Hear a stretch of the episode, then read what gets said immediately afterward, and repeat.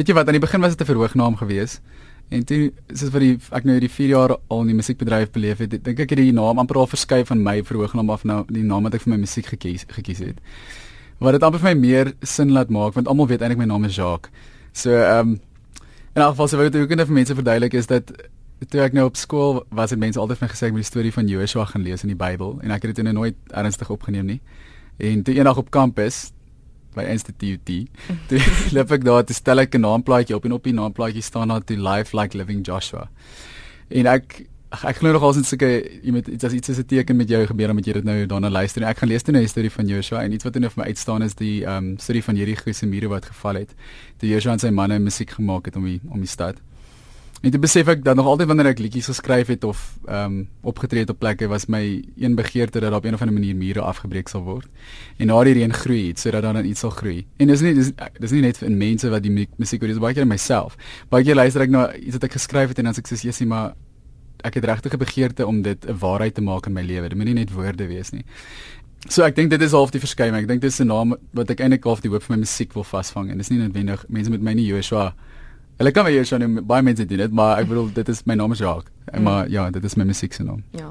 So die die keuse van 'n uh, 'n uh, 'n verhoognaam mm. was be, was bewuslik, maar soos jy sê, dit dit kom nou oor. Dit is dis die tipe musiek wat jy maak.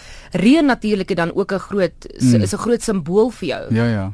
Ek dink ons almal eintlik laas jaar toe ons daai groot droogte tref, dit dink ek mense het vir die eerste keer besef of in 'n lang tyd besef wat gebeur as as mense nie reën kry nie.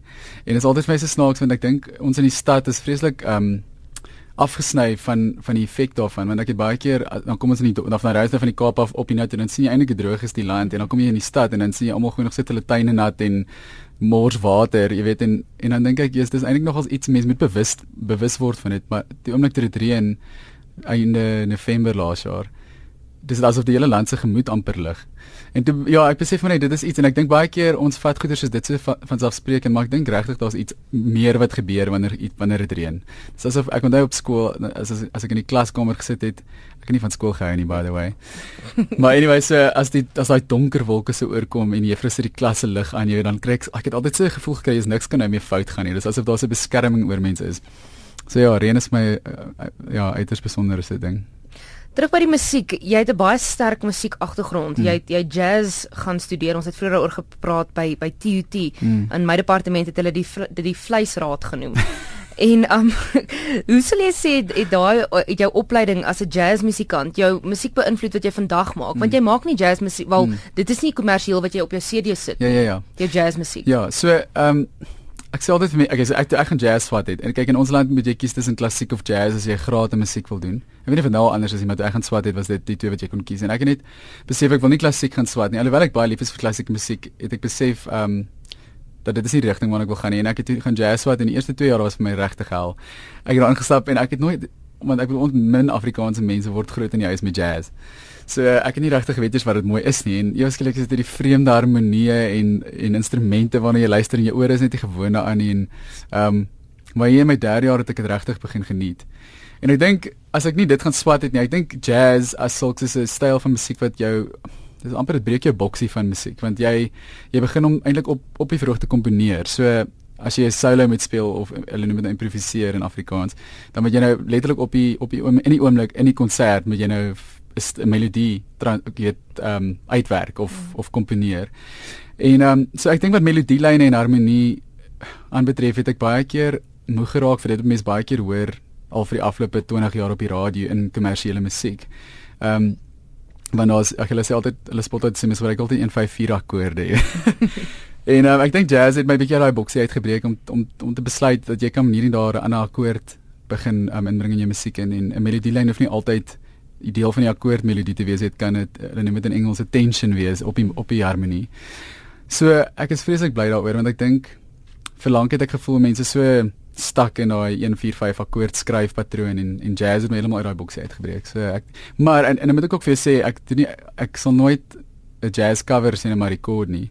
Maar ehm um, ons doen altyd jazz in die live shows. En mense like dit. Ek moet sê ek is nogals verbaas altyd want ek sal as ek sê vir mense ons gaan vir een of twee jazz liedjies doen, dan mense se reaksie altyd so, o, Jesus, wat kom nou? En dan na die tyd dan mense sê, "Jesus, wanneer bring jy 'n jazz album uit?" En dis uh, eendag. Ek sal my eie jazz met skryf eers, maar So jy sal dit oorweeg as ja, ja, ja. jy as jy daarby uitkom. Ek dink so. Ek dink ehm um, ag ek dink vir nou doen ek wat ek graag wil en ek dink ook dis belangrik om ehm um, en enigiets wat jy doen, nie stak te raak in wat jy doen nie. So ek dink dis 'n groot dit bly vir ons as Suid-Afrikaanse kunstenaars 'n groot ehm um, ehm um, uitdaging om aan te beweeg met die tye. Soos ek ek vat altyd ek doen vir mense Coldplay as 'n voorbeeld en dink ek as jy na hulle eerste album luister en jy luister nou na hulle, dit is twee heeltemal verskillende klanke, maar mense like dit nog steeds want die, ek dink die inhoud daarvan en die liriese inhoud en die diepte daarvan is nog steeds wat dit was, maar die die klank daarvan het verander. So maar jazz dink ek definitief maar my vereiste is ek sal dan net alles self wil skryf. Ek dink ons as mense word beïnvloed deur dit waarmee jy self omring. So ehm um, hulle in One Republic en ag daar kan ek vir 'n klomp name noem, Brooke Fraser en maar ach, ja, ek dink dit is belangrik vir ons om te groei veral in die musiekbedryf as as ek na die Afrikaanse musiekbedryf vat. Ek dink baie keer ehm um, vergeet ons om te luister na wat al wat of wat ons vooruit is. En ek dink dis enigste manier om te groei want as hoe kan ons groei as jy nie en, en ek ek like altyd om die woord getuienis te te gebruik want dit is half iemand wat al daai pad gestap het en daardie sê ek nie copy dit nie, maar leer daaruit. Verstaan? So gaan luister na goeie wat jou inspireer en want dit is altyd werk wanneer ons begin vervaardig aan 'n album is jy jy het 'n idee van okay, jy wil hierdie liedjie in 'n rigting stuur van 'n sekere klank en dan gebruik jy nou sê net maar 'n reference van Coldplay maar op die einde kom daai liedjie glad nie so uit nie want jy sit jouself ook daarin maar ek dink die die grading is om te kan leer by sulke musikante ja. ja jou jou jongste album die mm. wêreld binne my is mm. is vroeg verlede jaar vrygestel en dit het 3 jaar gevat vir jou want na jou debuutalbum in ja. 2013 dis nou die in 3 jaar later in 2016 so, hoe sou jy sê het jy verander het jy verander mm. jy praat nou van hoe jy verander en hoe jy groei met die tye ja, ja. maar jy was baie jonk geweest, dit was jou eerste album geweest en nou is dit jy weet jou tweede ene. Ja, ek dink die groot verskil tussen my eerste album en my tweede album is ehm um, dat 'n klomp goed gebeur. Ek is getroud net ek dink net voordat my eerste album uitgekom het en ek ons ek's nou 'n pa ook. So ek dink die ehm um, die realiteit van van groot word en als tref jy self tussen die oë en ek dink waar my eerste album vreeslik gefokus het op om te droom soos 'n kind en die lewe is eintlik great, verstaan jy, net met ander oë kyk en Ehm um, is hierdie album ek dink baie Ja, ek ek as ek net die beste kan beskryf om amper half naak te staan voor mense. Nie nou fisies nie. net met dit wat jy regtig is en wat in jou aangaan en ehm um, die moeilike dinge veral. Want ek het besef as mense nie daai dinge met mekaar gaan begin deurtrap nie, dan dan groei mense eintlik glad nie in die lewe nie en ek het ek het besef ek dink dit was seker dink dit was seker so jare en 'n half terug te besef ek dat as ek nie daar's mense in my lewe vir wie ek regtig verskriklik lief is, maar 'n mens wil altyd die vrede bewaar. 'n Mens wil altyd sê jy jy sal baie keer nie oor goed praat wat moeilik is om oor te praat en ek het 'n wilsbesluit geneem en gesê ek gaan ek gaan regtig daai pad begin stap met daai mense en ek dink die verhouding en die verskil of die verandering wat gekom het in daai verhoudings van dat ons dit begin doen het is net so amazing want ewe skielik besef jy ek wil amper sê die uitgangspunt van niks wat jy doen in hierdie lewe kan my weg weghou van jou af nie want daar is verstaan is niks so erg nie. Maak nie saak wat dit is nie. En ek dink dit is die tweede album se inhoud tot 'n groot mate. Ehm um, die album eindig af met die woorde Wel ek moet ook eers dit sê die wêreld binne my, die hele album is half 'n skets van hierdie wêreld binne jou. So daar's 'n liedjie met die naam Stof en Sterre en daar's 'n liedjie met die naam Heuwels en Berge en um, weer van die maan. Ek sê dit probeer al vir die um, scenario skep van hierdie wêreld binne jou. So die album eindig af met al ken jy my Jy wil al ken jy my berge, al ken jy my vrees dat ek te min wil, min sal wees, al ken jy my stof en al ken jy my sterre, al ken jy my seer ek wou iets anders wees, al ken jy my droogte en al ken jy my reën in die somers, al ken jy my, kies jy om by my te bly. En dit is eintlik ek dink die opsomming van die album. Ja. Die titelsnit, die wêreld binne my. Mm. Vertel ons van daai liedjie. Dit is nou die een wat wat weet op die op die radio speel en so yes. aan en dit ook natuurlik 'n musiekvideo wat yeah. wat vrygestel is um, van hierdie lied. Vertel ons bietjie meer daarvan.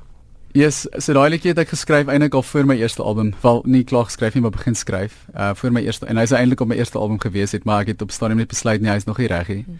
En ehm um, ek is baie bly ek het daai besluit gemaak want hy was nog nie reg. maar toe ehm um, toe ek nou begin skryf vir die volgende album toe besluit ek ek wil hom klaar maak en net sommer die tema van die nuwe album maak. En ehm um, so basies is dit maar net Ek dink die liedjie gaan daaroor dat ons almal uiteindelik hierdie wêreld binne in onsself, enige mens wat ooit op die aarde, aarde gebly het of nog ooit gaan bly. Ehm um, en ons gaan nooit daai wêreld in volle verstaan nie en ek dink dit is amper die mooi van die lewe is dat ek kan sit by mense en ek hoef nie dit te oordeel wat hulle doen nie en ek hoef nie vir hulle te sê jy's verkeerd en ek is reg nie want eintlik as ons regtig op daai uitgangspunt gaan van ek kyk na jou wêreld en ek kan iets uit dit leer. Ehm um, dan dink ek ons is op 'n punt dat ons vooruit kan beweeg. En ek dink ehm um, vir my het dit soveel meer genade in my oë gegee as ek na mense kyk want ek besef 'n mens dink baie keer mense dink soos jy. En dan ek het al baie keer dan sit ek in 'n gesprek en dan praat ek asof almal saam met my stem en dan op die einde dan besef ek jy's maar niemand stem eintlik saam met my nie en eintlik moet ek dan vir myself vra maar is dit wat ek sê dan ewen die regte ding. So dit is waar raai like, jy gaan nou in die musiekvideo's so vreeslik opgewonde oor. Ek en ehm um, dis ek het 'n baie talentvolle span mense om my. So my boetie, my jongste boetie is my drummer, maar hy is ook my fotograaf en videograaf en hy het die video ehm um, gemaak basically. En uh dis so lekker om saam met hom te kan werk want ek dink ons verstaan mekaar se harte so goed. So as mense nou die video kyk, ehm um, al die shots wat hy nou want daar is shots wat hy in is, het sy vriend John wat ja, altyd nog met John weird. Ons neem nou net maar John Square want twee Johns was net um confusing. Maar um dit was so lekker om net te gaan en ons was op drie verskillende plekke in die land. Ons was in Kleinmond en toe in die Karoo en toe in Magubas Kloof. So ons het redelik getravel. Maar ek dink die idee daarvan was om hierdie mense sal ook sien die die musiekvideo het stukke omtrent van elke tipe natuur. So daar's berge en woude en see en riviere en goeters en dan um dink ek dit is net 'n weerspieëling van wat eintlik in ons wêreld aangaan want partykeer voel dit soos 'n woestyn, partykeer voel dit soos hierdie lekker nat reënwoud en partykeer voel dit net normaal. Mm. En ek dink um, om dan in al daai tye net die mooi te soek is waar dit gaan.